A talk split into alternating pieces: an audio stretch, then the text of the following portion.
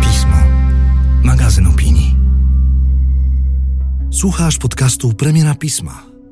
Co miesiąc zapraszamy naszych autorów, czytelników i ekspertów z różnych dziedzin do dyskusji o kluczowych problemach współczesnego człowieka. Rozmawiamy o tym, co nas porusza, stawiamy trudne pytania i razem szukamy odpowiedzi. Numer marcowy przygotowywaliśmy w zupełnie innej rzeczywistości. Tymczasem w czwartek, 24 lutego, świat stanął na głowie. W marcu planowaliśmy skupić się na nicości, na niczym, na próżni. Kiedy dziś myślimy o tym temacie, stagnacja jawi się jako stan, do którego chętnie byśmy wrócili. Co miesiąc staramy się, by to, co publikujemy, było aktualne dłużej niż cztery tygodnie. Pozwala nam na to nasza filozofia odcinania się od bieżących sporów politycznych. Mamy nadzieję, że w tej trudnej sytuacji, kiedy wojna otacza nas ze wszystkich stron, znajdziecie w przygotowanych przez nas tekstach choć odrobinę wytchnienia, a może nawet źródło siły, inspiracji do działania. Wierzymy, że jest to nasze zadanie robić dalej to, co potrafimy najlepiej, czyli dostarczać rzetelne treści, które pomagają zrozumieć złożoną rzeczywistość. Również, a może przede wszystkim wtedy, gdy ta tak dynamicznie się zmienia na naszych oczach. Dzień dobry, dobry wieczór, bo nie wiem, kiedy słuchają Państwo tego odcinka premiery pisma. Zapraszam na kolejne spotkanie z wyjątkowym i ciekawym tematem. Ja nazywam się Justyna Dżbik-Kluge, jestem dziennikarką zaprzyjaźnioną z pismem, magazynem opinii. I dzisiaj porozmawiamy przy okazji premiery marcowego numeru pisma o czymś, co wydawałoby się takie naturalne, oczywiste, czasami przyjemne, a czasami być może nadużywane. O nudzie, o nic nierobieniu. Nuda, nic się nie dzieje, czy tego należy się bać, czy należy się cieszyć, kiedy tę nudę odczuwamy. Nie będziemy przynudzać przy mikrofonach, absolutnie nie, ponieważ e, redakcja pisma zaprosiła do rozmowy bardzo wspaniałych gości, a właściwie gościnie i gościa. W Gorzowie przy mikrofonie ekspertka od Zero Waste, założycielka klubu Ograniczam się, która wie, że to ograniczanie się ma bardzo pozytywny wpływ i na nas samych, i na wszystko, co dookoła nas. Autorka książki Życie Zero Waste, Katarzyna Wągrowska. Kasiu, dzień dobry. E, dzień dobry. Jesteś w Gorzowie, jesteś z nami. Wszystko się, mam nadzieję, zgadza. Tak, tak, tak, wszystko się zgadza. A ze mną w studiu Osorno dr Mariusz e, Finkielstein, socjolog, wykładowca w Kolegium Civitas, który badawczo zajmuje się zagadnieniem nudy w środowisku uniwersyteckim, ale nie tylko. Mariusz jest autorem pracy doktorskiej o nudzie. Panie doktorze, dzień dobry. Dzień dobry, witam. Jak się pisze doktorat o nudzie? Długo. Przede wszystkim no, ludzie dziwnie reagują, jak mówię, że badam nudę. Najczęściej pojawiają się jakieś żarty, śmiechy. Też mm, tak było na Uniwersytecie Warszawskim, kiedy wymyśliłem ten temat, później przedłożyłem go przed komisją e, i w zasadzie na każdym etapie, może już pod koniec trochę ludzie się zaczęli e, mniej śmieszkować e, z tego tematu, ale na ogół dyrektor Instytutu zawsze na, na korytarzu mówił, czy jeszcze mi się nie znudziła ta nuda. Także tutaj raczej w tą stronę takiego pobłażania, że to taki niepoważny temat. A ja myślę, że właśnie bardzo wprost przeciwnie i że ta nuda jest i nuda, nic nie robienie, za chwilę w ogóle porozmawiamy trochę o definicjach tych, tych pojęć, y, jest bardzo potrzebna. Kasia, kiedy się ostatnio nudziłaś?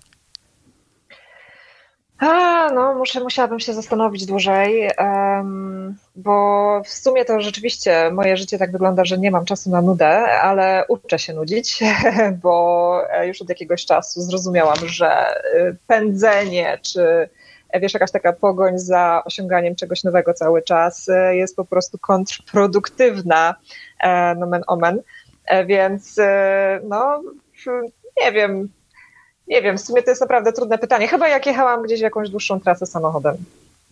No właśnie, bo to jest też to, o czym mówisz, zahacza o, o to po, o tę potrzebę definicji, ale nie jesteś, Kasiu, sama absolutnie, jeśli chodzi o to uczenie się nudy. W marcowym numerze pisma Zuza y, Kowalczyk y, napisała taki felieton a propos niczego i zaczyna go od, od takich słów. Od jakiegoś czasu uczę się niczego, zastygam na podłodze i trwam w nic nie robieniu. Aby wytrwać tak kwadrans, potrzebuję regularnej praktyki. Dlaczego, Mariusz, nam jest potrzebna praktyka nic nie robienia? No wydawałoby się, że to jest coś absolutnie intuicyjnego no tutaj kultu, kultura weszła nam w naturę. To znaczy, że naturalnie, owszem, jeśli mamy badania nad łowcami, zbieraczami, okazuje się, że oni pracują mniej więcej, no, pracują, zdobywają pożywienie e, około dwóch godzin dziennie. Reszta czasu jest poświęcona na odpoczynek, no, socjalizowanie się, rozmowy, wymyślanie historii, nie wiem, taniec yy, i tak dalej, ale generalnie na nic nie robienie. Także i tutaj cywilizacja nakazała nam, cywilizacja, która się opierała na rolnictwie, nakazała nam ciągłą pracę. No i tutaj mamy kolejne wcielenia w kulturze, tak, tak ta etyka protestancka e, przysłowiowa, e, że mamy ciągle pracować, ciągle mamy pomnażać dobra. Tak? Oczywiście na początku było to dlatego, że plony nie były tak obfite i trzeba było akumulować zasoby, no bo za rok mogła być susza i nie będziemy mieli plonów. Ale teraz mamy już całkowity tego nadmiar, ale ten imperatyw kulturowy, który nakazuje nam ciągłą pracę, ciągłą pogoń, pozostał. I przez kapitalizm został jakby wprzęgnięty. Dzięki temu lepiej możemy wyzyskiwać pracowników, tak? Czemu mamy pracować 4 godziny dziennie, jak możemy pracować 8, 12? Co prawda to się cofnęło w ostatnim wieku, tak? Pracowano 12, teraz się pracuje 8, ale nadal są próby takie, żeby jakoś tą pracę przemycić do czasu wolnego. Yy, też yy, marksiści kulturowi mówią, że y, nasz czas wolny też teraz jest pracą. Idziemy do y, sklepu, czy idziemy do y, supermarketu, też pracujemy w pewnym sensie. Tak? Wykonujemy no jakieś obowiązki. Jakieś obowiązek mamy, tak? konsumenta, tak, żeby ten system mógł e, iść do przodu, e, PKB wzrastało, a kabzy kapitalistów rosły. Tak, czyli jakby w czasie wolnym też pracujemy. Taka właśnie jest myśl Horkheimera i Adorno. Mhm. Właśnie takich dwóch filozofów, socjologów niemieckich ze szkoły frankfurckiej. Użyłeś takich dwóch słów, na które, jak sądzę, Kasia się tak trochę może e, wzdrygnęła, mianowicie nadmiar i pogoń. Myślę sobie, że to są takie słowa, których e, dziewczyna, która uczy, jak żyć zero waste, nie lubi. E, no tak, mottem mojego bloga jest od nadmiaru do umiaru mhm. i cały czas myślę się tego uczę i staram się przekazywać moje wnioski z tego mojego życiowego eksperymentu dalej innym. Goni, nie kibicuję, tak, bo jestem z Poznania, umówmy się. Natomiast rzeczywiście mm, znaczy, ja mam takie wrażenie, że kultura, w której ja się wychowałam, czy dom, w którym ja się wychowałam, był domem, w którym był kult pracy, kult nauki, kult robienia czegoś, nawet jeżeli nie musiało się czegoś robić. E, I ja wyniosłam to z domu, myślę jak wiele innych osób, które znam, które, którymi się otaczam, że siedzenie i nic nie robienie nie jest czymś szlachetnym. E, i nie powinno się tak robić, skoro na przykład e, ubrania leżą nieposprzątane albo klasyk nowy okruszek no tak, nowy okruszek kurzu pojawił się na e, nocnej szafce, czy cokolwiek innego. Nie wiem, dzieci porozwalały zabawki, cokolwiek. No zawsze znajdzie się coś do zrobienia, coś, czym można się zająć, a takie nic nie robienia, no to co nam daje? Nic nam nie daje, tak jakby pozornie można by, można by stwierdzić, nie? No, a, ale... a znasz, to, znasz to sakramentalne powiedzenie, ludzie inteligentni się nie nudzą?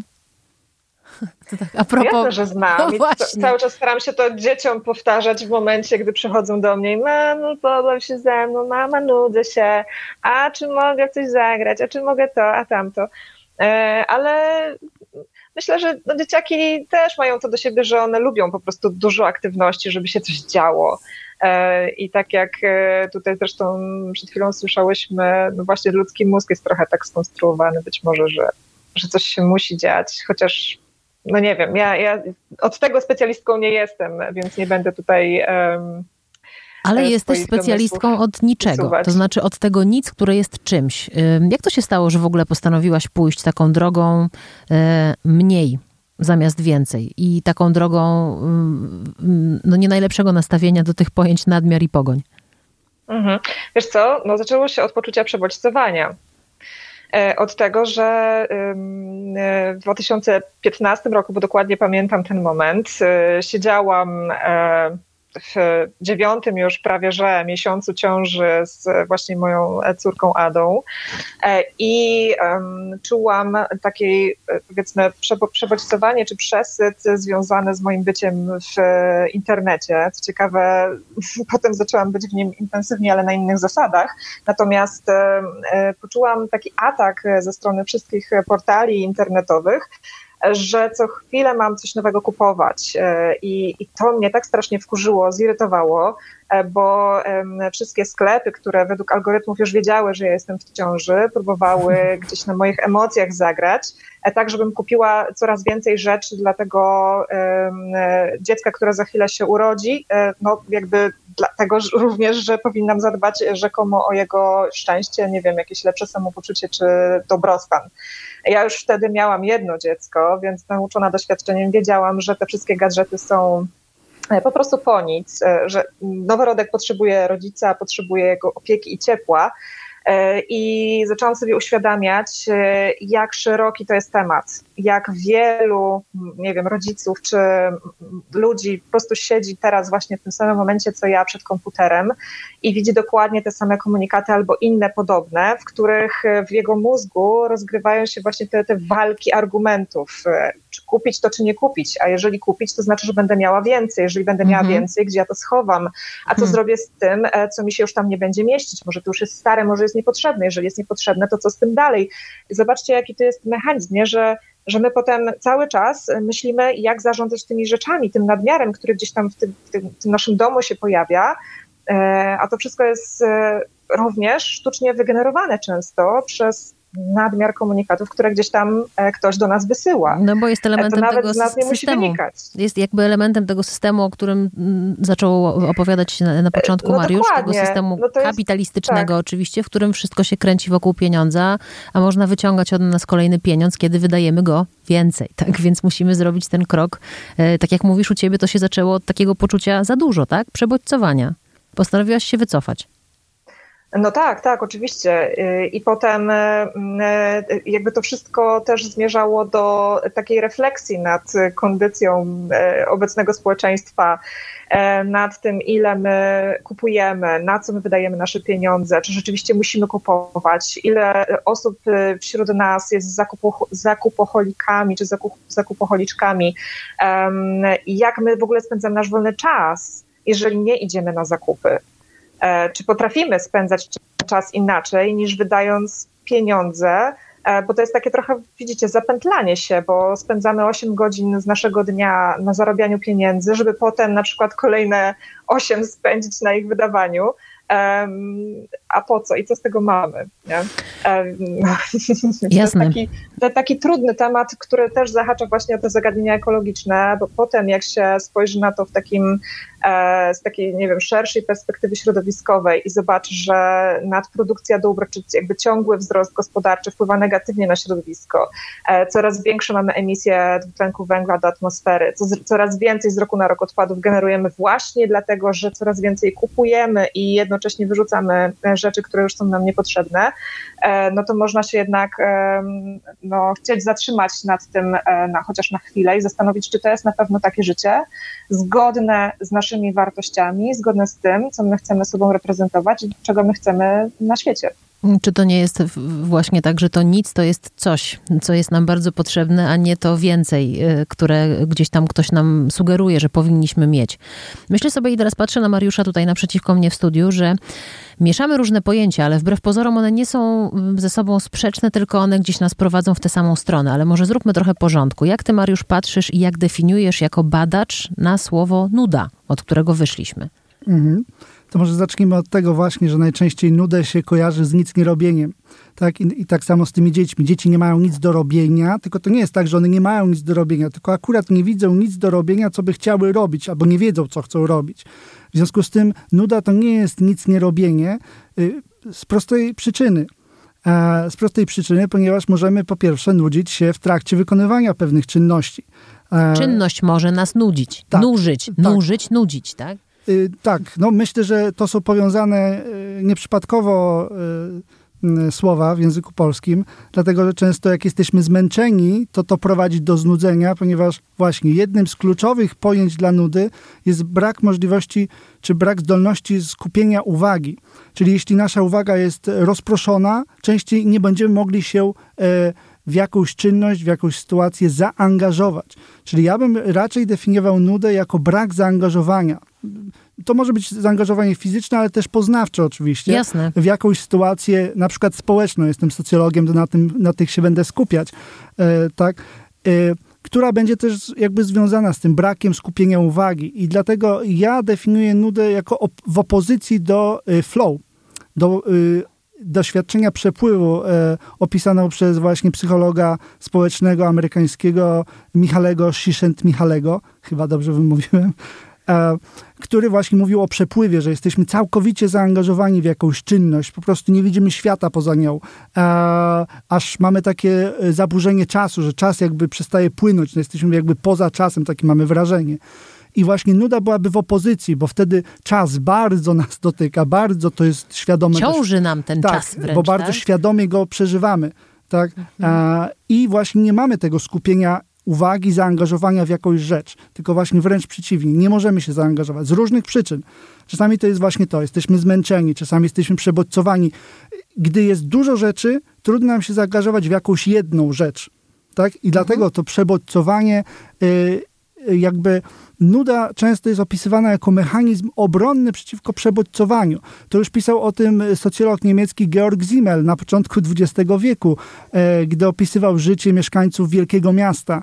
Tak, że właśnie jest tyle tych y, bodźców ciągle i ciągle do nas e, docierających, że gdybyśmy świadomie chcieli na wszystkie odpowiadać, nasz system nerwowy by się załamał i byśmy byli wszyscy wariatami. Zresztą mieliśmy tą neurastenię, to jest właśnie mniej więcej te, ten szok. Teraz Mhm. jesteśmy trochę bardziej przyzwyczajeni a, do, do tych nadmiaru bodźców, jakby już nawet dzieci są socjalizowane, żeby trochę odcinać ty, część tych bodźców, a, ale na początku XX wieku to jeszcze było nowe e, i właśnie on opisywał e, taki stan zblazowania, właśnie, że to jest obojętność, Blazy, tak, aha. tak, blazy, e, jako ten obojętność na ten nadmiar bodźców, który do nas dociera. Tylko ja mam takie wrażenie, że w takim kontekście bla- zblazowania właśnie, czy tej nudy, no to to była taka zła nuda. To znaczy, może teraz na nią patrzymy, bo jesteśmy wbici w to przekonanie, że musimy cały czas produkować, cały czas coś wymyślać, że inteligentni ludzie się nie nudzą. Od razu zdradzę, że- Mariusz zrobił taką bardzo krzywą minę, kiedy padło to określenie. Powiedział, że to jest określenie właśnie takie z naszych dawnych czasów, które niekoniecznie jest dobrym kierunkiem. Ale z jednej strony jest, a, a dzisiaj przydałaby się taka dobra, zdrowa nuda. To, o czym pisze Zuza Kowalczyk w swoim felietonie, to jest taka nieumiejętność jakby, nie wiem, wyłączenia myślenia, wyłączenia się bycia w tym czasie, po prostu bycia. Bo nuda to jest po prostu takie doświadczanie, powiedziałeś, takie doświadczanie czasu, tak? Tak, po to Heidegger jest o tym nie, mówił. Ale jednak nic nie robię. A czemu ci nie pasuje y, nuda z nic nie robieniem? E, Dlaczego z nic nie robieniem? E, Dlatego, że nuda we wszystkich definicjach występuje jako coś negatywnego. E, Jest postrzegana negatywnie. Więc e, jeśli jesteśmy bezczynni, możemy to postrzegać też pozytywnie. Więc nuda jest tylko ewentualnie tą bezczynnością, którą postrzegamy jako coś niepożądanego. Czyli, bo nuda ma w sobie dwa komponenty. Jeden y, jest, ciągnie nas w stronę apatii, e, braku zaangażowania, ale jest drugi element i dlatego nuda też nie jest apatią. Apatia to jest zupełny brak emocji. A nuda ma ten drugi komponent, to po angielsku jest restlessness. Tak? Czyli, że chcemy coś zmienić, że pcha nas do przodu, pcha nas do jakiejś zmiany, jest takim sygnałem, że należy coś zmienić. I dlatego właśnie nuda nie jest tylko tym nic nie robieniem. Jeśli odpoczywamy, jeśli medytujemy, jeśli akurat nie zaangażujemy się w nic, ale postrzegamy to jako coś pozytywnego, to nie będzie nuda. Więc ja bym raczej mówił, że nic nie robienie jest jednym, jedną z możliwych przyczyn nudy. To ja jeszcze jeden wątek do, do ciebie, Mariuszu, a potem powędrujemy do, do Kasi, bo mnie się wydaje, że dzisiaj bardzo potrzebujemy zdrowej nudy, ale jeżeli mówisz, że w każdej definicji nuda jest niezdrowa, czy jest jakaś negatywna, no to może mówmy, że potrzebujemy zdrowego nic nie robienia i nawet musimy się go uczyć, bo już tak zapędziliśmy się w tę produktywność i w to, że musimy cały czas coś wykonywać pożytecznego, bo przecież tak jak Kasia mówiła, kurz jeszcze jest niestarty, zawsze leżą jakieś zabawki, zawsze jest jakieś pranie do włączenia. I my się tak wkręciliśmy bardzo w to, że jesteśmy zadaniowi non-stop, a nuda chyba trochę ratowała nas przed tym, tak intuicyjnie, znowu podświadomie i prymitywnie, pierwotnie, no przed tym, żebyśmy się y, no, nie rozpędzili za bardzo. Wydaje mi się, że historycznie raczej, e, raczej mówi się o odwrotnym mechanizmie, że nuda była ważna ewolucyjnie, bo wskazywała nam, żeby nie marnować energii na rzecz, która nie ma sensu, bo z tym się jeszcze łączy nuda, z brakiem poczucia sensu, a żeby właśnie przesterować nas na coś, żeby szukać w środowisku, w naszym otoczeniu czegoś, co ma sens i co mogłoby nas no, ubogacić, jakoś y, się nam jakieś korzyści. Więc e, jest to taki mechanizm, który raczej by nas pchał do czegoś innego, co mogłoby właśnie być bardziej sensowne, bardziej interesujące, czyli jest takim sygnałem, że to, co aktualnie robimy, nas nie satysfakcjonuje. Jeśli to coś to jest bezczynność, to znaczy trzeba zacząć być aktywnym. Ale jeśli nie mamy tego poczucia nudy, właśnie tego, co nas pcha w, w czasie, gdy nic nie robimy, to znaczy, że to jest stan pożądany. Mhm. No coś mi się znudziło, więc robię coś innego, tak? No to jest Tak. to powiedzenie, No jeśli tak? długo jesteśmy bezczynni, to może wtedy zaczniemy się nudzić. To jest sygnał, że już nam, już, już odpoczęliśmy, już, już się, że tak powiem, y, porobiliśmy nic i teraz y, jest czas, żeby zrobić coś. No właśnie, no to mamy te pojęcia. Jest pojęcie nudy, jest pojęcie nic nie robienia, jest pojęcie nic coś. Kasiu, co to jest twoje nic? No ale właśnie tak teraz was słucham i sobie myślę, że, yy, hmm, że ja to nic nie robienie też trochę definiuję jako tą fajną nudę, ale dopiero ostatnio zaczęłam ją doceniać i, i, i praktykować yy, w, jako formę odpoczynku, e, która gdzieś tam została na mnie wymuszona i, i do której ja zostałam, nie wiem, wciągnięta e, przez szereg ludzi, którzy powtarzali mi, że no nie mogę tak cały czas być e, aktywna, Mhm. e, że muszę czasem sobie odpuścić, e, dać e, sobie chwilę odpoczynku, żeby właśnie się nie, nie przebodźcować. A moje nic, moje nic, no właśnie, moje Hmm. nic to jest... Twoje e, zero, tak? Nic zero, tak? Jak zero.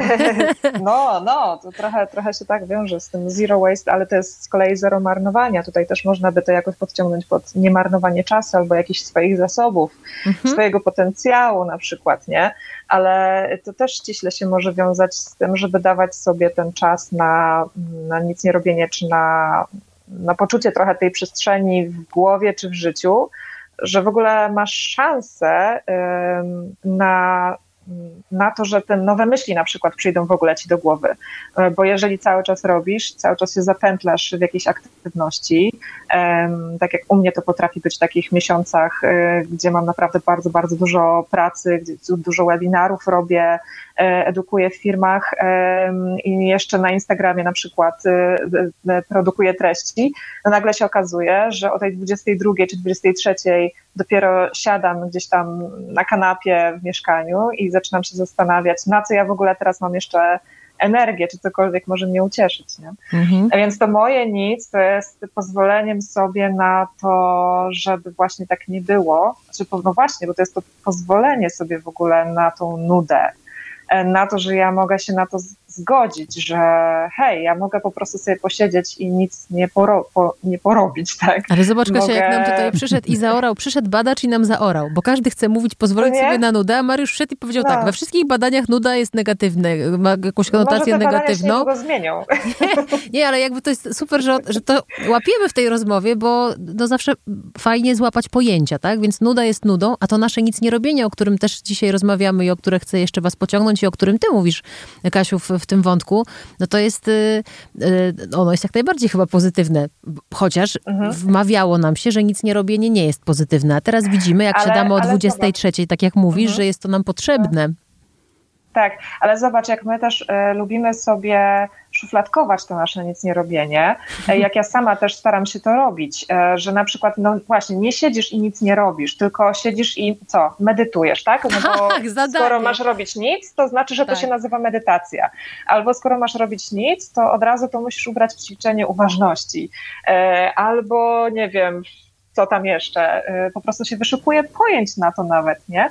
Mm, A tak naprawdę można po prostu siedzieć i robić nic. W sensie albo chociażby, nie wiem, pić kawę i, i słuchać sobie radia, albo pić kawę i patrzeć przez okno. To jest jakieś tam robienie, ale to jest też pozwalanie sobie na jakąś taką przestrzeń w życiu, czy nie wiem, w takim codziennym grafiku, że po prostu nic się nie dzieje i nawet em, do tego stopnia się nic nie dzieje, o, że zacznę się w tym nic nie robieniu nudzić. Mhm. I wtedy, okej, wtedy ja to mogę zrozumieć jako już ten ne- negatywny przejaw, że mam dość tego nic nie robienia i mogę przejść do jakiegoś działania, bo mój organizm już jest gotowy do tego fizycznie i psychicznie, żeby przejść teraz do działania, bo już e, trochę odpoczął, nie? Mhm. Ale na przykład tak jak na co dzień moja praca też e, krąży wokół mediów społecznościowych, ja na przykład jako twórca czy twórczyni treści e, internetowych od, odbieram to już od jakiegoś czasu jako pracę, więc dla mnie to jest e, praca, to jest zajęcie, to jest często zajęcie zarobkowe również, ale wcześniej, gdy konsumowałam tylko te treści, ja właśnie robiłam je w chwilach nudy, robiłam to w chwilach nudy. Czyli na przykład siedząc gdzieś na przystanku autobusowym, nie mając nic do roboty, otwierałam Instagrama, przeglądałam sobie, co tam się dzieje. To mogło też mnie oczywiście znudzić, ale nie wiem, siedząc w gabinecie, czy tam w poczekalni, poczekalni do gabinetu lekarskiego. Mm-hmm. Tak, tak. Y, co wszyscy robią? No już teraz mało kto Skrolują, skrolują. No. Tak, tylko się skroluje. No właśnie z tej nudy, czy z takiego poczucia, nie wiem, jakiejś niepewności w tym, że nic się nie dzieje. Ja to trochę tak odbieram, że my sobie próbujemy jakoś to, ten czas zapełnić. No właśnie. Mm-hmm. Tylko ja nie wiem, czy to jest ta reakcja nasza na nudę, czy to jest trochę coś jeszcze innego. Chyba Mariusz że my właśnie Nie, nie potrafimy się odnaleźć w tym, że nic się nie dzieje, że obok siedzą ludzie, być może można by ich nawet zagadać, chociaż wiadomo, w dzisiejszych czasach w ogóle dystans w ogóle, tak, społeczny tak, się, nie się zwiększa raczej tak. niż zacieśnia. Ale to też, jest, to też jest ciekawy mechanizm, bo oczywiście w tym scrollowaniu też można no tak jak powiedziałam, się znudzić i, i przejść potem do czegoś innego, ale można też się zapomnieć i, i na przykład siedzieć trzy godziny tak scrollować i nagle telefon ci powie, nie mm -hmm. wiem, mhm. włączy alarm, hej, już trzy godziny siedzisz na -hmm. Instagramie, koniec. Mm -hmm. Powiem ci, że teraz Mariusz bardzo kiwa głową z taką e, potrzebą włączenia się do tego wątku, więc zapraszam. Mhm. Właśnie, jeśli chodzi o to scrollowanie, bo się okazuje, że jest odwrotny mechanizm tutaj jeszcze, że się okazuje, że jak zaczniemy scrollować, żeby te nasze mikronudy e, jakoś e, zwalczyć, to się okazuje, że jeśli się w to wciągniemy, to cała rzeczywistość staje się dla nas bardziej nudna niż była poprzednio. To znaczy, że tak. tam jest nasze zaangażowanie w tych, nie wiem, social mediach, nie wiem, co tam się skróluje, bo ja tego nie robię, a akurat E, tak? a już rzeczywistość blednie w porównaniu. Mm. Więc paradoksalnie to zabijanie tych mikronud tymi smartfonami powoduje zwiększenie odczucia nudy i jeszcze większy strach przed pustką, bo myślę, że to nas motywuje. E, w systemie, który obecnie mamy, mamy biec. I jak się biegnie odpowiednio szybko, to się nie widzi, że obok y, płoną lasy, jest, y, są zgliszcza i wszystko jest y, szare, bure i nie bardzo pozytywne. Tak? I, i, i tak ten system chce nas właśnie, tak nas socjalizuje, tak chce nas widzieć, żebyśmy tylko biegli, kupowali, biegli, biegli, biegli. Mhm. Ale jeśli chodzi o tą nudę i o pozytywność, to nie jest tak, że nuda jest czymś negatywnym. To o, o, chodzi o to, że ona jest odczuwana jako coś negatywnego. I tutaj odbierana, tak? O, odbierana, odczuwana, postrzegana, postrzegana. tak, jako coś negatywnego, ale sama w sobie może być pozytywna. To znaczy, że może mieć y, pewne funkcje no spełniać. No właśnie, o to cię chciałam zapytać. No właśnie, jest taki badacz Andreas Elpidoru z y, Louisville w, w Stanach Zjednoczonych i on nawet całą taką teorię zrobił, funkcjonalna teoria nudy. I on tam wskazuje, porównuje porównuje, znaczy porównuje nudę do bólu. To znaczy, że ból je, jest sygnałem alarmowym. Jest sygnałem, bardzo mm. ważnym sygnałem. Bez bólu byśmy po prostu zginęli pierwszego dnia, bo byśmy nie, nie zobaczyli, że nam ręka płonie albo coś i byśmy umarli. Więc ból jest bardzo y, ważny, spełnia ważne funkcje, więc jest czymś pozytywnym ostatecznie dla naszego przetrwania. Ale jako odczucie bólu nie jest to przyjemne. I tak samo jest z nudą odczuwanie nudy nie jest przyjemne, ale jest to bardzo wartościowy sygnał. Właśnie, że coś należy zmienić. Przestań marnować czas na tą pracę, zmień pracę, skoro aż tak cię nudzi.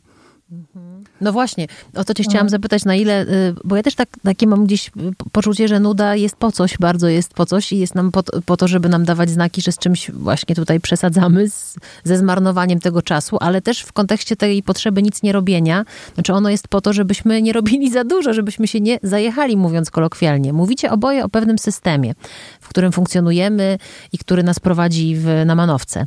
Chciałam cię, Mariusz, zapytać o to, czy można nawet zaryzykować takie stwierdzenie, że żyjemy w takim społeczeństwie, które musi cały czas produkować, społeczeństwie, które nie może się nudzić i nie może nic nie robić. Tak, oczywiście. Jest to związane z tym, co mówiłem, z całym y, tym systemem kapitalistycznym w wersji, powiedzmy, nowoczesnej, ale też z konsumeryzmem. To znaczy, że nuda jest podstawowym mechanizmem w systemie kapitalistycznym. To znaczy, bez nudy ten system by nie przetrwał ostatecznie, bo y, mamy, to też tutaj e, Kasia mówiła o tej nadprodukcji ciągłej, tak? To już Marx zauważył, już wcześniej ekonomiści na to zwracali uwagę, e, że ten system polega na tym, żeby ciągle tworzyć kryzysy nadprodukcji. To nie jest aberracja tego systemu, to jest clue tego systemu, można powiedzieć. W związku z tym trzeba te nadwyżki opchnąć, mówiąc brzydko. A żeby komu się łatwiej opycha? Ludziom znudzonym. Więc socjalizuje się ludzi po to, żeby ciągle biec, ciągle nigdy się nie zatrzymywać, y, nie mieć za dużo, ciągle coś rób. Y, w związku z tym nie umiemy sobie radzić z pustką, z niczym właśnie, właśnie. tak, żebyśmy tutaj e, doszli do tematu rozmowy. I w związku z tym znudzony konsument kupi więcej. Są na ten temat całe badania, impulse buying, e, e, że jeśli osoba jest bardziej znudzona, to może być nuda sytuacyjna, to może być jakaś głębsza forma nudy, że jesteśmy znudzeni własnym życiem. Tak, próbujemy... To sobie zalepiamy braki, tak? Tak, Jakiś... więc znudzony konsument y, będzie kupował więcej. A znudzony hmm. konsument będzie, e, nie będzie kwestionował tego systemu, w którym funkcjonujemy. To, co właśnie Kasia robi, że kwestionujesz system, tak? No nie biegnijmy właśnie. System nie kupujmy, chce, tak? tak? Nie, nie tak. wydawajmy, tak? I, I właśnie nuda jest takim, taką możliwością stanięcia właśnie, porobienia nic i zastanowienia się nad sobą, samorefleksja, ale też refleksja na tym, co nas otacza, jak mm -hmm, świat mm -hmm. y, funkcjonuje i w ramach no jakby naszego własnego życia być może coś możemy zmienić w tym, w tym, w tym układzie. No właśnie, Kasiu, mnie się bardzo podoba ta koncepcja klubu. Yy, ograniczam się i ja do tego klubu też chciałabym się włączyć, ale się trochę obawiam. I chciałam cię zapytać o to, czy kiedy byłaś przyzwyczajona do pewnego stylu życia? Ja rozumiem, że oczywiście kiedy byłaś e, na finiszu drugiego, e, drugiej drogi macierzyńskiej, że tak powiem, czy rozpoczęcia tej drogi przed porodem, to zorientowałaś się, że jest bardzo dużo tych bodźców i byłaś przebodźcowana. No ale jednak obrałaś drogę e, rezygnacji z czegoś, ograniczania się. Czy się nie bałaś, że ci będzie brakowało? Tego, do czego nie, się przyzwyczaiłaś. Ja to, wiesz co, ja to odbierałam jako bardzo dużą ulgę mhm. E, ale też działałam też na takim wielkim buncie, na takiej energii, która wychodziła z buntu wobec tego, w co czułam, że tego wcześniej nie widziałam.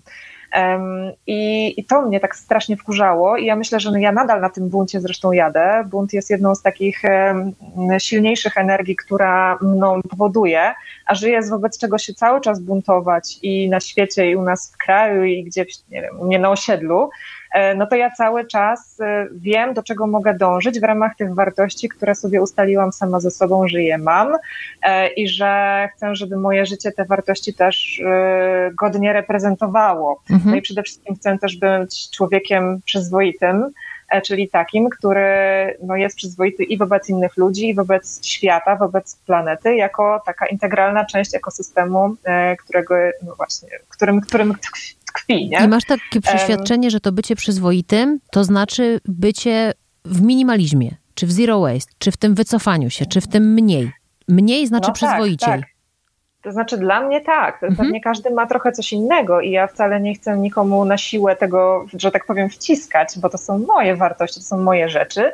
Ja tutaj widzę też jednak, o, jednak y, wysokie uzasadnienie również naukowe i, i właśnie środowiskowe z racji tego, że jak mniej mamy, czy mniej produkujemy, to y, okazuje się, że to mniej mamy, tak? E, to nasze życie nagle się okazuje lepsze, bo my się już tak bardzo nie koncentrujemy na tym maniu, na tym posiadaniu, tylko no, na innych jakościach naszego życia. Na tym, że dajmy na to, jak już poczujemy, tak? To, świado to świadomie, że nie musimy iść do sklepu i kupować kolejnych gadżetów, które oni tam ci, oni, tam ci wielcy, oni nie chcą nam wcisnąć, tylko nagle możemy zrobić coś, co my tak naprawdę chcemy. Może się też okazać, zresztą ja miałam też taki moment przestoju, że nie wiemy przez moment, e, czy przez, e, przez jakiś okres czasu w naszym życiu, w ogóle dłuższy, czego my tak naprawdę chcemy, mhm. bo nikt nas nie nauczył tego identyfikować, nie? E, że może my po prostu chcemy leżeć e, na kanapie nie? i nic nie robić przez e, godzinę dziennie, albo może chcemy pisać książki, a nikt nam nie powiedział, że po prostu możemy, że możemy to zacząć robić, nie? albo może chcemy zacząć, nie wiem, skakać ze spadochronem i, i to zawsze w ogóle nas kręciło, ale nigdy nie mieliśmy odwagi, bo w sumie spłytaliśmy te nasze potrzeby do y, tych tych krótkich, jakby krótkoterminowych czy łatwych do osiągnięcia celów, jak właśnie pójście do centrum handlowego, nakarmienie się tym, co wisi na, y, nie wiem, wystawach i ewentualnie kupienie właśnie sobie czegoś y, i tutaj właśnie to poczucie nagrody gdzieś tam na chwilę do nas wtedy przychodziło, nie? Czy, czy może przyjść. A to, to ciekawe, moje mniej, bo mówisz o potrzebie. No? Użyłaś tak. takiego określenia potrzeba. I to jest też ciekawe, mhm. bo potrzeby w gruncie rzeczy są ograniczone. I to, na czym stoi kapitalizm, to są właśnie pragnienia, które są nieograniczone. I właśnie to, co powiedziałeś, że nie są y, określone, tak? Potrzeba jest konkretna. Mhm. Jeśli potrzebuję zjeść, no to zjem, wiem, że jestem najedzony i jakby już koniec tej, tej, tej właśnie potrzeby. A jeśli chodzi o pragnienie, nie ma końca, tak? Bo każde pragnienie rodzi nowe pragnienie. To już o tym i Schopenhauer pisał, i Leo, hmm. Leopardi, i wielu innych, mhm. e, tak? Ale to ciekawe właśnie, jak użyłaś tą potrzebę, że właśnie ten nawet system, nawet jeśli ty z nim walczysz, to, to tak nam zrył tak, baniem, tak mówiąc tak brzydko. Ja się zgadzam, bo tak, tak się, ja że też tak się mówi, że są jest... nasze potrzeby, tak, a to świetnie, że to znowu właśnie. redefiniujesz. Znowu wjechał tutaj Mariusz mhm. i nam redefiniował. Ale to jest, się wtrąciłem. Ale to no, tak. super, że to powiedziałeś właśnie, że potrzeby, a pragnienia. Kasiu, jeszcze słowo, żebyśmy mhm. nie zabierali ci myśli? E, no, no, e, nie, po prostu wiesz, chodzi o to, że jeżeli ja widzę inne rzeczy, które mogę robić w ramach tej, tego mojego nic nie robienia, czyli w ramach tego, nie wiem, mniej, um, tudzież inne elementy, którymi mogę wypełnić swój dzień, żeby to było lepsze dla mojego dobrostanu psychicznego, to ja bardzo chętnie z tego korzystam i pozwalam sobie na to, jak na przykład pozwalam sobie na pracowanie mniej. E, i pozwalam sobie na to, żeby no właśnie ten moment nudy w trakcie dnia przyszedł. To jest właśnie takie kontrproduktywne, nie? Można by powiedzieć, czy wbrew temu, co, do czego nasze społeczeństwo nas przyzwyczaja, czy, czy, czy wychowuje. E, no bo y, jesteśmy wychowywani do tego, żeby, no właśnie, być 8 godzin na przykład w szkole, nie? Jesteśmy najpierw 8 godzin w szkole, czy tam, nie wiem, 6 do 8, potem 8 godzin na studiach, 8 godzin pracy, E, I, I tak jak ta maszynka mamy chodzić, nie? A co gdybyśmy pracowali 4 godziny dziennie? A co gdybyśmy pracowali 4 dni w tygodniu i jeden mieli um, wolny, czyli na przykład mieli 3 trzy, trzydniowy weekend, tak jak wprowadzane jest to ostatnio, było ostatnio w Belgii. No więc jakby to, to, wszystko można, tylko wystarczy chcieć i wystarczy otworzyć swój umysł na to, że ten kapitalizm wcale nie musi tak wyglądać, jak wygląda teraz. My tak naprawdę jako ludzie jako ludzkość, tak? Stworzyliśmy kapitalizm, my również możemy go hmm. przedefiniować, hmm. możemy zrobić z niego w zasadzie co chcemy, a nie myśleć cały czas, że nie, to w zasadzie dominują nim, e, czy dominują go ekonomiści, bankowcy, czy tam jacyś jeszcze inni producenci, ludzie, są gdzieś tam, wielkie koncerny. inni, nie? Tak, jacyś tak. Tam, tak, kapitaliści, nie? Mhm. Tak e, szeroko pojęci. Dlatego potrzeba ale, się, żebyśmy się wszyscy zbuntowali w ten właśnie sposób. Dobrze, dobrze, tak. dobra, dobra, ale, ale, pomyślcie, ale pomyślcie o tym, że wy możecie być tymi kapitalistami, nie? W sensie, że wy również tworzycie ten system i właśnie będąc, jakby żyjąc inaczej, możecie właśnie go w tym momencie zmieniać i on może ewoluować bardzo fajnie, nie? Mnie się Jason Hickel zresztą w swojej mhm. książce Mniej znaczy lepiej dokładnie to samo mówi że my jakby dążąc do tego mniej, do produkowania mniej, do mniejszego zapotrzebowania na energię, tak naprawdę wtedy właśnie um, zmieniamy system, E, tworzymy jego alternatywę, skupiamy się na innych jakościach naszego życia, a nie tylko na generowaniu produktu, produktu krajowego brutto co roku wyższego E, niż, e, niż w poprzednim roku. To ja się, ja się tutaj włączę i powiem, że bardzo mi się podoba ten odcinek, bo to jest odcinek, który zapamiętam jako odcinek redefiniowania różnych pojęć i jako odcinek y, takiego rzucania światła i w inną stronę tych samych rzeczy, na które patrzymy na co dzień. Ale wracając do naszej głównej bohaterki, chociaż ja już nie wiem, czy ja będę na nią tak samo patrzyła po, po tym, co powiedział Mariusz, ale no powiedziałeś, że nuda może być też pozytywna, to, to nie do końca, że jest oczywiście negatywnie, ale jest takie powiedzenie, że kiedy rozum śpi, to się budzą tam demony czy potwory. Ja mam wrażenie, że kiedy rozum śpi, to budzą się świetne pomysły. Kiedy przychodzą do głowy najlepsze pomysły? Pod prysznicem. Mnie na przykład pomysły na wywiady przychodzą jak się kładę wieczorem. Jak już wyciszam głowę, to wtedy mi przychodzą jakieś super pomysły na pytania do różnych gości. Na ile, Mariusz, to jest tak, że ta nuda w głowie w głowie. Czy można, e, e, Kasia mówi, e, ograniczać się? Czy można się ograniczać w myśleniu, ale mam tutaj na myśli coś pozytywnego, to znaczy nasze umysły też pędzą, też są przebodźcowane, też mamy, cały czas wymyślamy, coś produkujemy, tak? Czy nuda mm, jednak nie pomaga nam trochę się wycofać i czy jednak w tym momencie wyciszenia mózgu nie jest dla nas najlepiej? Czy ja mogę się tylko szybko wcisnąć? Proszę. Bo mi się tak teraz skojarzyło, że właśnie ta nuda, którą Mariusz niby reprezentuje, e, jest, e, jest tak fajnie kompatybilna z tym ograniczaniem się, bo oba te pojęcia są kojarzone rzeczywiście jako coś negatywnego. Nie? Tak, a, tak, tak. A, a, a, chcę, a na przykład a nie są. moje ograniczanie się ma też jakiś taki konkretny, powiedzmy, nie wiem, wyższy cel i też Mhm. może okazać się em, być dla nas czymś lepszym psychologicznie, Słuchaj, jak- mimo, że, e, mimo że brzmi to jakoś tam pejoratywnie. No przecież jak, jak pytam gościa o to, czy można się ograniczać jakby myślowo, to pomyślałam sobie, nie, nie wiem, czy ja mogę o to zapytać, ale, ale, ale pytam o to, podtrzymuję. No dzięki, dzięki Kasiu. Mariusz?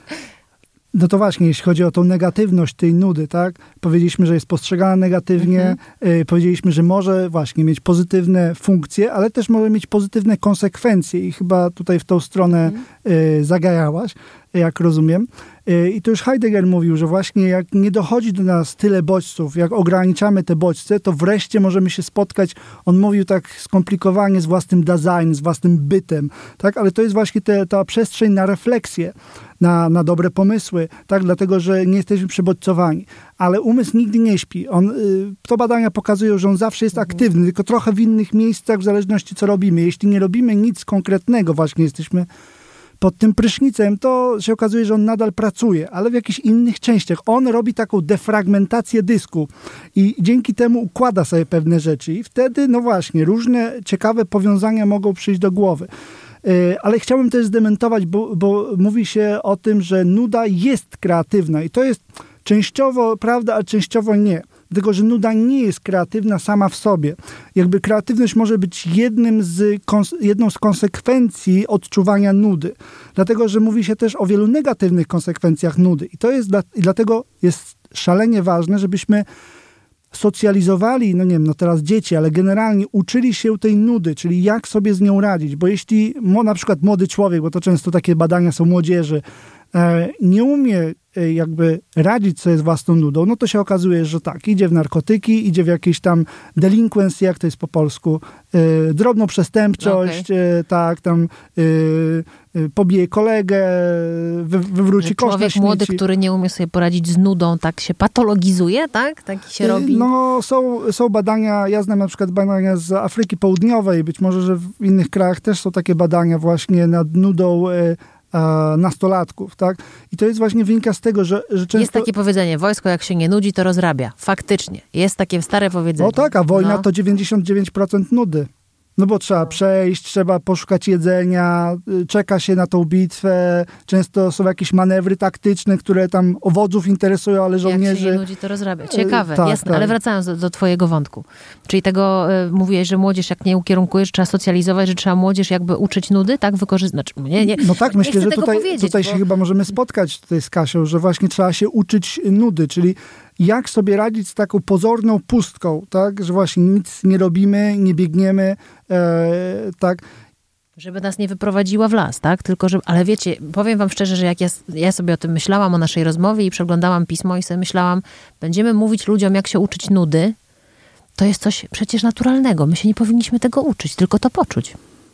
A to możemy tak zrobić, jak jesteśmy dziećmi, ale teraz już jest za, za, Za późno, późno. żeby to było naturalne, bo kultura jest drugą naturą i jakby zastępuje często. Mhm. Więc dlatego jakby musimy znowu, jesteśmy jak ludzie, którzy nie nauczyli się chodzić i teraz musimy się nauczyć chodzić dopiero.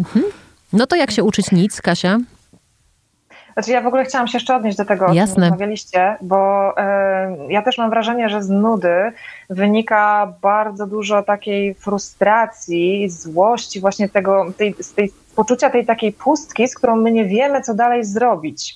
Bo e, na przykład wydaje nam się, że możemy tylko ją kupić, czy jakby obkupić czymś nowym, a gdy nie mamy środków, no to jej nie obkupimy, nie?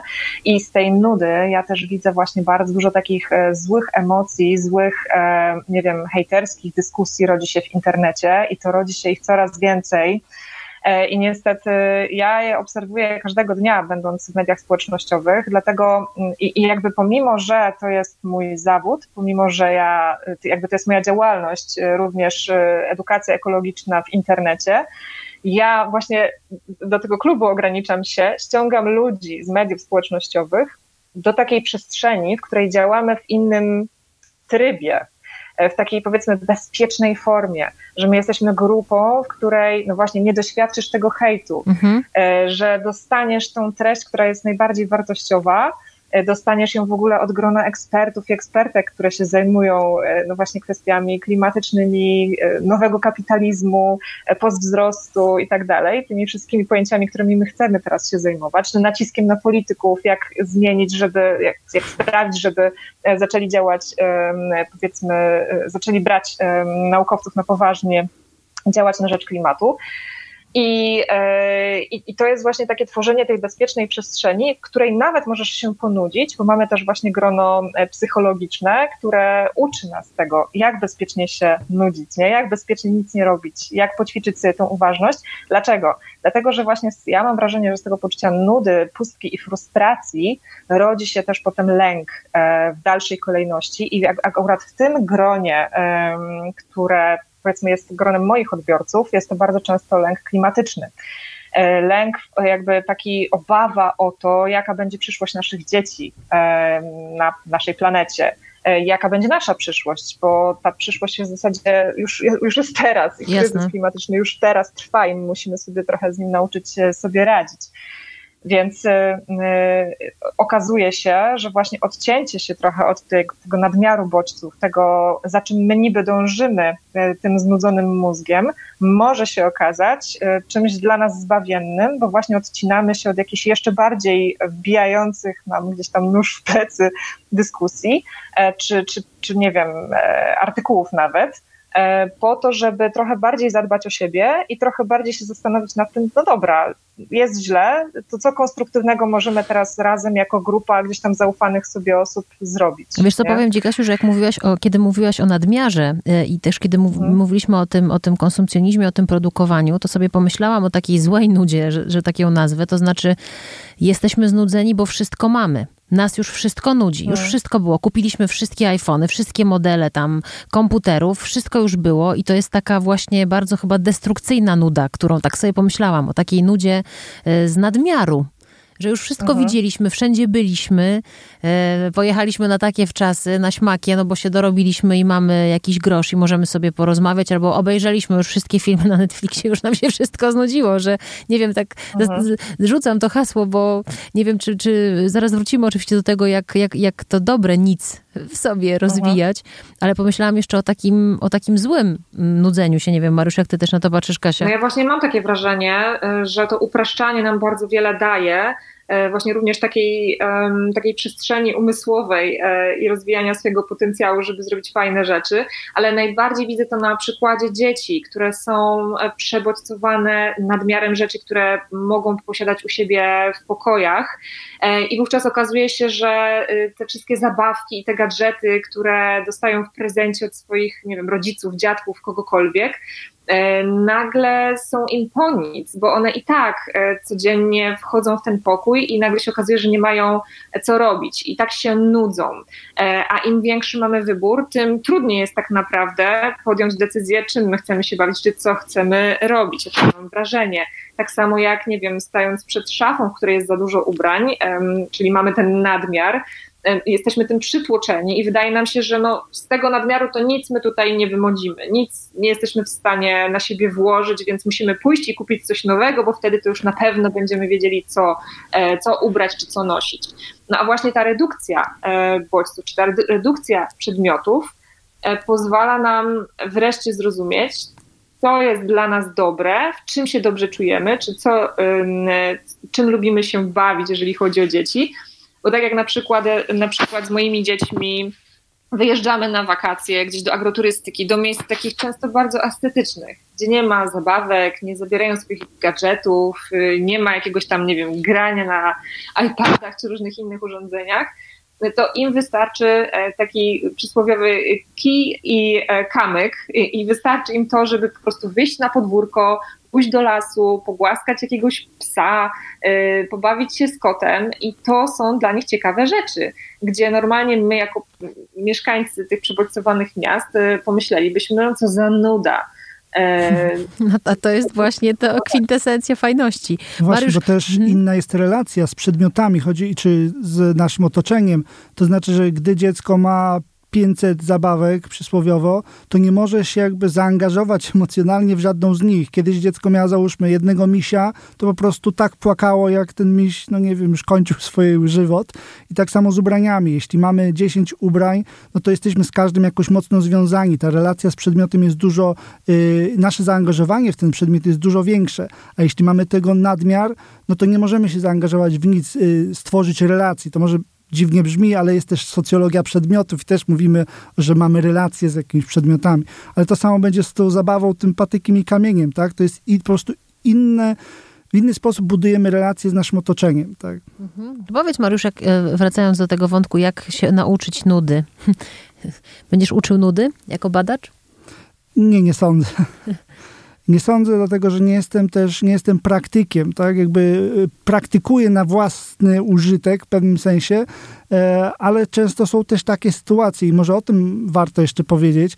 Są takie sytuacje, kiedy w pewnym sensie jesteśmy na nudę skazani przez inne osoby w pracy, w szkole, E, kwintesencją e, szkoły na przykład jest nuda. To wychodzi we wszystkich badaniach. To jest podstawowe pojęcie, które się pojawia, jeśli, jeśli ktoś się pyta o odczucia uczniów na temat szkoły. Nuda jest na pierwszym miejscu. Więc tutaj mamy wiele takich instytucji, które jakby wdrażają nas. No to tutaj też było to mówione, że pracujemy 8 godzin, a czemu nie 4 dni w tygodniu i tak dalej, i tak dalej. Więc czasami na nudę skazują nas inni. I tutaj też trzeba się jakoś zakomodować. Tak? Oczywiście jest mnóstwo, y, mnóstwo badań na temat nudy w pracy i również na temat tego, jak sobie ludzie radzą z tą nudą. E, tak, ale to raczej A jak są... sobie radzą? Wytwarzają sobie alternatywne światy. O, jest nawet e, taki syndrom bore-out tak jak jest burnout, jeśli mamy za dużo, to niby bore-out jest, że niby mamy za mało pracy i teraz to robimy. Na przykład udajemy, że jesteśmy zapracowani, żeby nie dostać pracy. I to też jest negatywne, bo nas y, korumpuje w pewnym sensie. No tak. W każdym razie, jak sobie radzą? W bardzo różny sposób, ale tutaj raczej bym mówił, że to są takie y, placebo bo znaczy to są wszystkie te rzeczy, które tylko spychają tą nudę na dalszy plan, że świadomie jej nie odczuwamy, ale ona tam jest. Na przykład wszystkie te smart urządzenia, nawet się mówi o tak zwanym smart boredom, chociaż to jest y, niedobre określenie, no bo smart boredom to raczej bym się kojarzyło, że to jest nuda, która jest spowodowana tymi smart tak. device'ami, a oni używają tego jakoś zupełnie odwrotnie.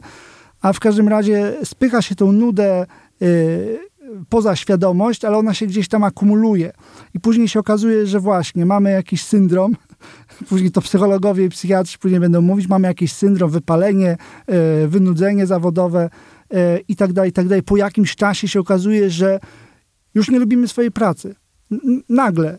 W sensie mhm. to miesiącami może trwać to um, ukrywanie tej nudy właśnie, zaleczanie tej nudy tymi pla, pla, placebo e, w postaci no właśnie różnych technik. To głównie mówimy, jak są badania nad nudą w pracy, to głównie o te techniki że ktoś tam to robi na komputerze, a, tak, albo że mhm. robi jakieś prywatne rzeczy, żeby tylko jak najmniej e, robić pracy w pracy, mm, tak. I ona się akumuluje i później może się przerodzić taką nudę chroniczną, mhm. albo nawet egzystencjalną. E, ja definiuję nudę chroniczną jako nudę, która jest w jednym aspekcie naszego życia. Na przykład jesteśmy znudzeni pracą albo znudzeni studiami. Ja to obserwowałem bo, yy, wśród studentów, swoich kolegów, jak robiłem pracę magisterską na temat nudy wśród studentów, że oni już mieli dość studiowania, już mieli tyle nudnych zajęć po drodze, że ta nuda im się zakumulowała. A na zajęciach no jednak jest się na widoku. Nie można wszystkiego zrobić, żeby tak do końca zwalczyć tą nudę. Um, i oni już mieli dość studiowania. I to jest taka nuda chroniczna, czyli generalnie wychodzimy z zajęć, jesteśmy zadowoleni, nie jesteśmy znudzeni swoim życiem, tylko... Ale na jed... zajęciach tak, w jednym, w jednym, w jednym aspekcie naszego życia i później nam mhm. wszystko, co jest związane z pracą, czy tam ze studiami, z tak zwaną budą, e, kojarzy nam się już z nudą. Od razu reagujemy. Nieważne, czy wykład jest bardziej ciekawy, mniej ciekawy pod względem, no nie wiem, e, tego, jak jest prowadzony, jak się mhm. prowadzący stara, jaki jest temat, bo już i tak reagujemy na to antycypującą nudą. Też taki artykuł napisałem właśnie o tej antycypacji nudy, że czasami się nudzimy dlatego, że już antycypujemy na podstawie... Z założenia po tak, prostu wiemy, albo z poprzednich doświadczeń tak. wiemy, że ten prowadzący nudzi. Nawet jak danego dnia jest świetny temat, on ma dobry humor i jest w formie, to i tak często się nudzimy, bo już założyliśmy, że to jest nudne. albo po prostu już mamy dość studiów i niezależnie co ten prowadzący zrobi, to my się nudzimy i tak samo w pracy. Nieważne jakie zadanie dostaniemy, to już my jesteśmy znudzeni tą pracą. I to też jest sygnał, że może trzeba tą pracę Zmienić. zmienić. To ja bym wróciła do, na podsumowanie, wróciłabym do tej, bo tak sobie odbieram. Mam nadzieję, że dobrze czytam to, o czym mówicie i o czym szczególnie mówisz, Mariuszu, że jest taka nuda konstruktywna i taka niekonstruktywna, że trochę, trochę od nas zależy, co zrobimy z tą nudą, no w kontekście młodych osób, ale nie tylko, tak? To fajnie byłoby, że nie mówię, że mamy być jakoś super produktywni, bo też nie idę w tą stronę, hej, teraz nas challenge'uje nas, żebyśmy naszą nudę wykorzystali, ale z tym nic, żeby robić jakieś takie dobre, lepsze rzeczy. To co byś, Kasia, podpowiedziała? nic nie robić. Jak wykorzystać nic? Nic, nijak, nijak.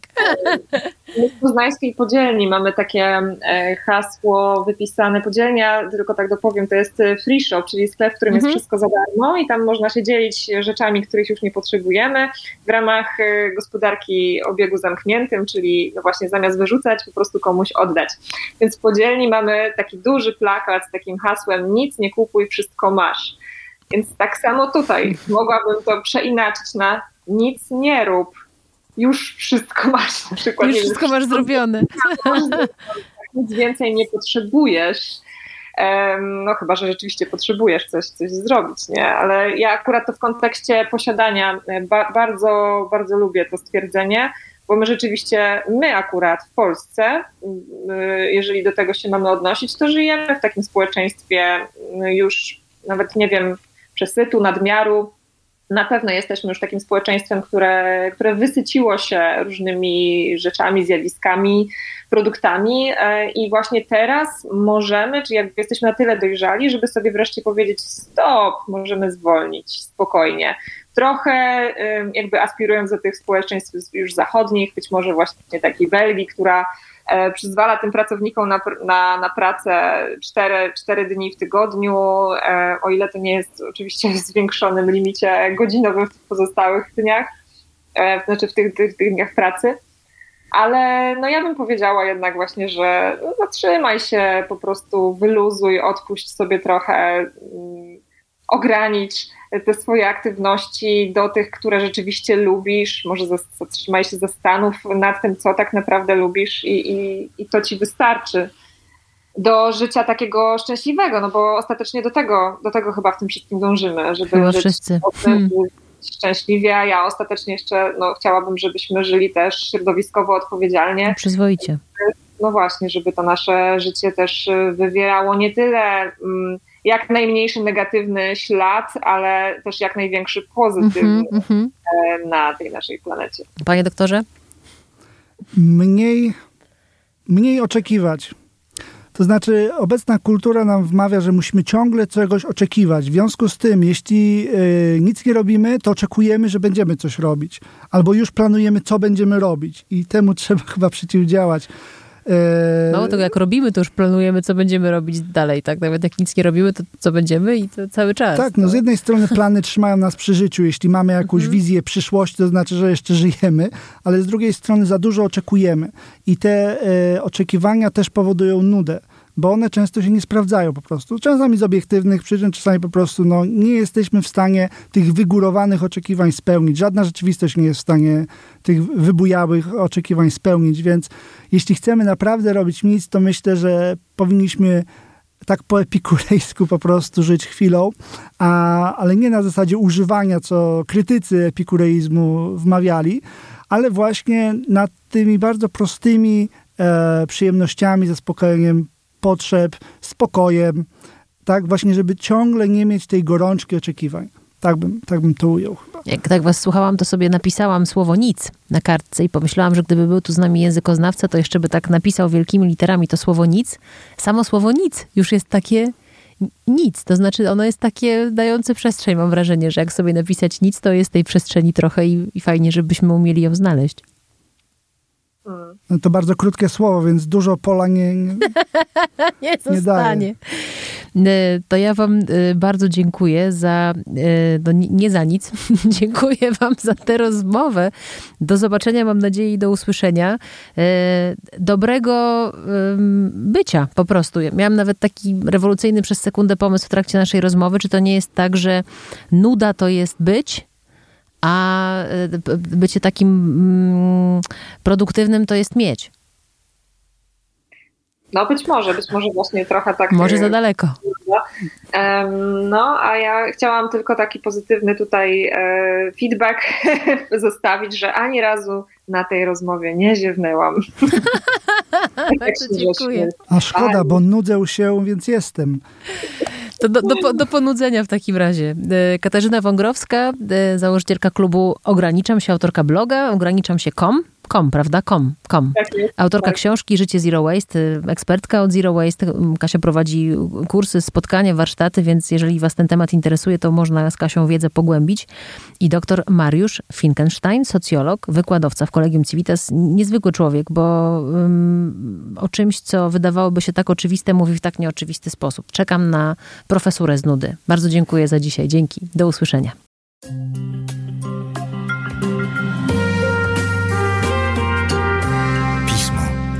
Magazyn opinii.